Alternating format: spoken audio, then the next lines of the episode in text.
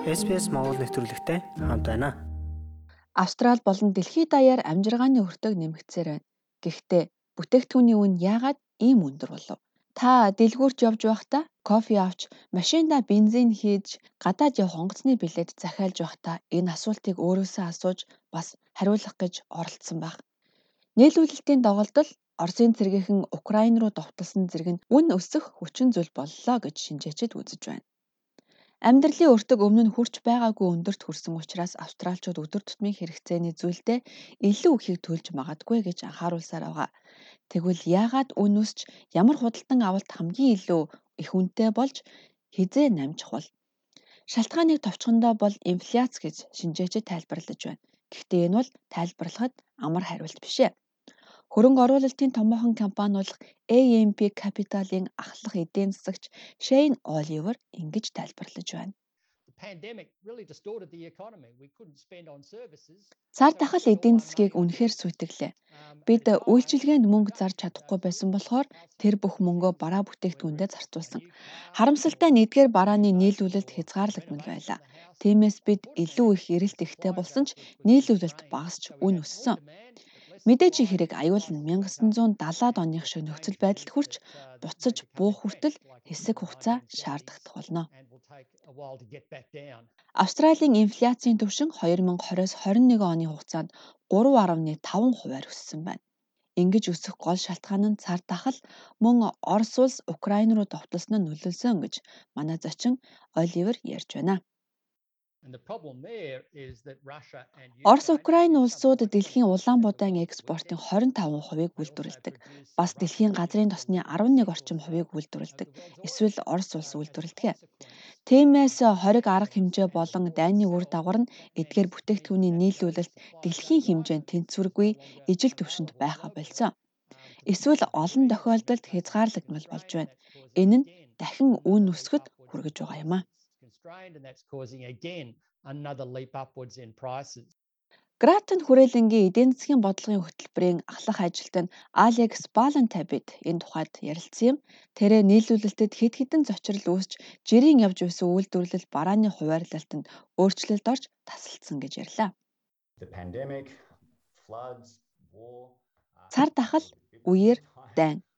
Энэ бүхэн заримдаа Библийн үг шиг санагдаж магадгүй.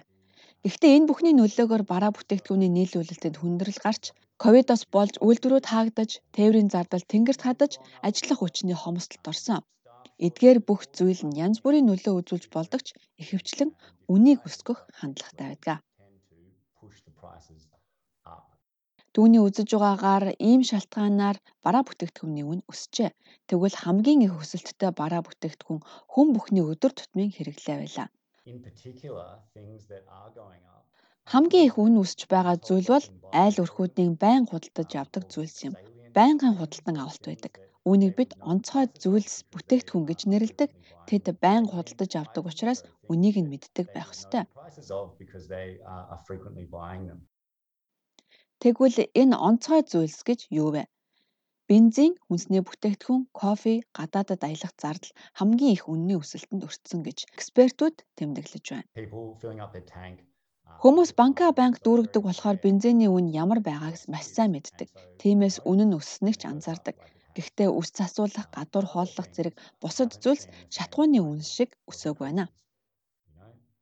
Haircuts, dinners out, Австралийн газрын төсний хүрээлэнгийн мэдээлж байгаагаар шатхууны улсын дундаж үн өнгөрсөн 2-7 хоногт 14.9 центээр нэмэгдсэн. Ингээд литр тутамдаа 210 центээс 214 цент болсон юм а. Цаашдаж үн улам өсч магадгүй гэж эдийн засагчид таамаглаж байна. Мөн түүхийн нефтийн үн өссөөр баррел нь 135 ам доллараас дээш байх үед үн улам өснө гэж эдийн засагчид үзэж байгаа юм а. Газрын төсний үнийн өсөлт нь бусад олон төрлийн бараа үйлчилгээнд зайлшгүй нөлөөлдөг бөгөөд үүнд аялал жуулчлалын салбар ихээхэн өртөж байна. Манай зочин Балентайн үзэж байгаагаар эннээс болж нисэх үйлчилгээний үн өснө гадаадад аялах нь үнэтэй аялал болно. Хэрэв нефтийн үнийн өсөлт энэ хэвээрээ байвал нислэгүүдийн үн ч нэмэгдэх ёстой. Мөн эдгээр үнийн өсөлт нь бусад бараа бүтээгдэхүүн тодорхой хэмжээгээр нөлөөлнө. Тиймээс бүрэн үр нөлөө нь мэдэгдтэл хэдэн сар эсвэл хэдэн жилч болж магадгүй юм а.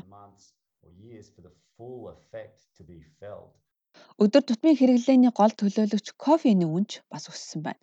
Австралчууд оны эцэс гэхэд ердөө аяг кофег 7 доллараар авч уудаг болж магадгүй гэж кофений эзэн мөн баристагийн холбооноос мэдэгдэж байгаа юм а. Гол шалтгаан нь бас л дээр дурдж байсан тээврийн зардал, чингэлэгний хомсдол. Бид нэгэн локал кафений эзэн кофе хуурагчдын төлөөлөл болгон Сэм Габриэлтай уулзаж тэднийх үнэ өсгөлгүй 6 сар байрсан тухайд ярилцсан юм а. Энэ бүхэн жил гарын өмнөөс эхэлсэн. Кофений гол бүтээгдэхүүний үн 9 сарын өмнө нэмэгдсэн. Гэсэн ч кофе хуурагчид ковидын нөхцөл байдлын үед үнэ барьж байгаа боловч харамсалтай нь цаашид үнийг дахин барьж чадхааргүй болж байна. Тиймээс бид кафе руу үнэ шилжүүлэх шаардлагатай болж тэнд кофений үнийг 20-оос 50 цент хүртэл өсгсөн. Ирэх 6 сарын хугацаанд цаашдаа ч өсөх магадлалтай байна гэж би бодож байна. Супермаркетуудын лангуун дээр байгаа барааны үнэч ойрын ирээдүйд буурах магадлал том бага байна. Woolworths Group-ийн гүйцэтгэх захирал Брэнд Бандучигийн ярьж байгаагаар бараа бүтээгдэхүүний үн эх хонд 3 хүртэлх хувиар өсөх магадлалтай гэж сэтгүүлчдэд анхааруулжээ. Мөн хүнсний үйлдвэрлэгч SBC лаазалсан бүтээгдэхүүний үн өсөх хандлагатай байгааг мэдэгдлээ. Үйлдвэрлэлийн зардал ихээхэн нэмэгдсэн гэж тэд үзэж байна. Төмрийн хөдөр улаанбуудын үн өндөр байна гэдэг нь спагетти илүү өндөр үнд болно гэж тэр тайлбарлаж байна. Тэгвэл энэ талаар засгийн газар юу хийж байгаа бол Ерөнхий сайд Скот Моррисон австралчуудын өдөр тутмын амьдралын зардал нэмэгдэж тэдэнд ирж байгаа хүндрэлийг ойлгож байна гэж хэлжээ. Шатхууны үн юу болж байгааг бид маш сайн мэдэж байна. Ер нь Европ дахь дайн Орос Украины довтлолсонтой холбоотой. Одоо австралчууд үүнийг ойлгож байгаа бөгөөд бид засгийн газар ч үүнийг маш сайн мэдэж байгаа. Амжиргааны өртгийн нөлөөлөл нь бодиттой байгааг бид харж байна. Холбооны сангийн сайд Жош Фреденберг шатхууны үнийг литр тутамд 44 центээр буулгахаар зорж байна гэсэн. Харин Deloitte-ийн эдийн засагч үнийг тийм ч үр дүнтэй арга гэж үзэхгүй байгаагаа мэдгдсэн юм а. Тэгэхээр үнийн өсөлт эргэж буурах болов? Бидний өмнө нь ярилцаж байсан AMP Capital-ийн ноён Оливер хэлэхдээ австралчуудын амьдралын өртгөн 100 Европ дахь дайнаас ихээхэн хамааралтай байна. Гэхдээ энэ бол гол шалтгаан биш гэж хэлж байна. Удахгүй энхийн хилцээрт хүрч дайн дуусна гэж найдаж байна. Ингээд өсөлтийн нэг шалтгаан өгөө болно. Гэхдээ бид нийлүүлэлтийн хязгаарлалттай хэвээр байх болно. Яагад гэвэл хятад улс ч гэсэн омикроны дэгдэлт шинээр нэмэгдэж байгаа халдвараас болж хаалгаа хааж төгжигдлээ.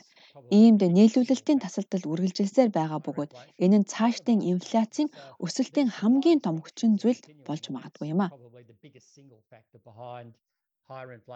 За ноён Баалантин хэлж байгаагаар хэрвээ засгийн газар амжиргааны өртөг дарамтыг бууруулахыг үнэхээр хүсэж байгаа бол цалингийн өсөлт хэлбэрээр зорилттой бүлгүүдэд дэмжлэг үзүүлэх шаардлагатай байна гэсэн юм а. Otherwise we just get this sustained uh, decline in the standard of living. Эсбөгөөс амжиргааны төвшин тасралтгүй буурсаар байх болно. Хэрэг амьдралын өртгөн нэмэгдэж тэдний өдөр тутмын санхүүгийн асуудал үнэхээр муугаар нөлөөлж байгаа хүнд дэм болохыг хичээж байгаа бол та гол хүмүүстэй чиглэсэн бодлого баримтлах хэрэгтэй. Тиймээс биднийг энэ хүнд үеийг даван туулах гол хүчин зүйл, гол бодлогыг та гаргаж гүйцэтгэх ёстой бөгөөд энэ нь одоогийн засгийн газар болон Төв банк нь маш их дарамт болж байгааг бид ойлгож байна.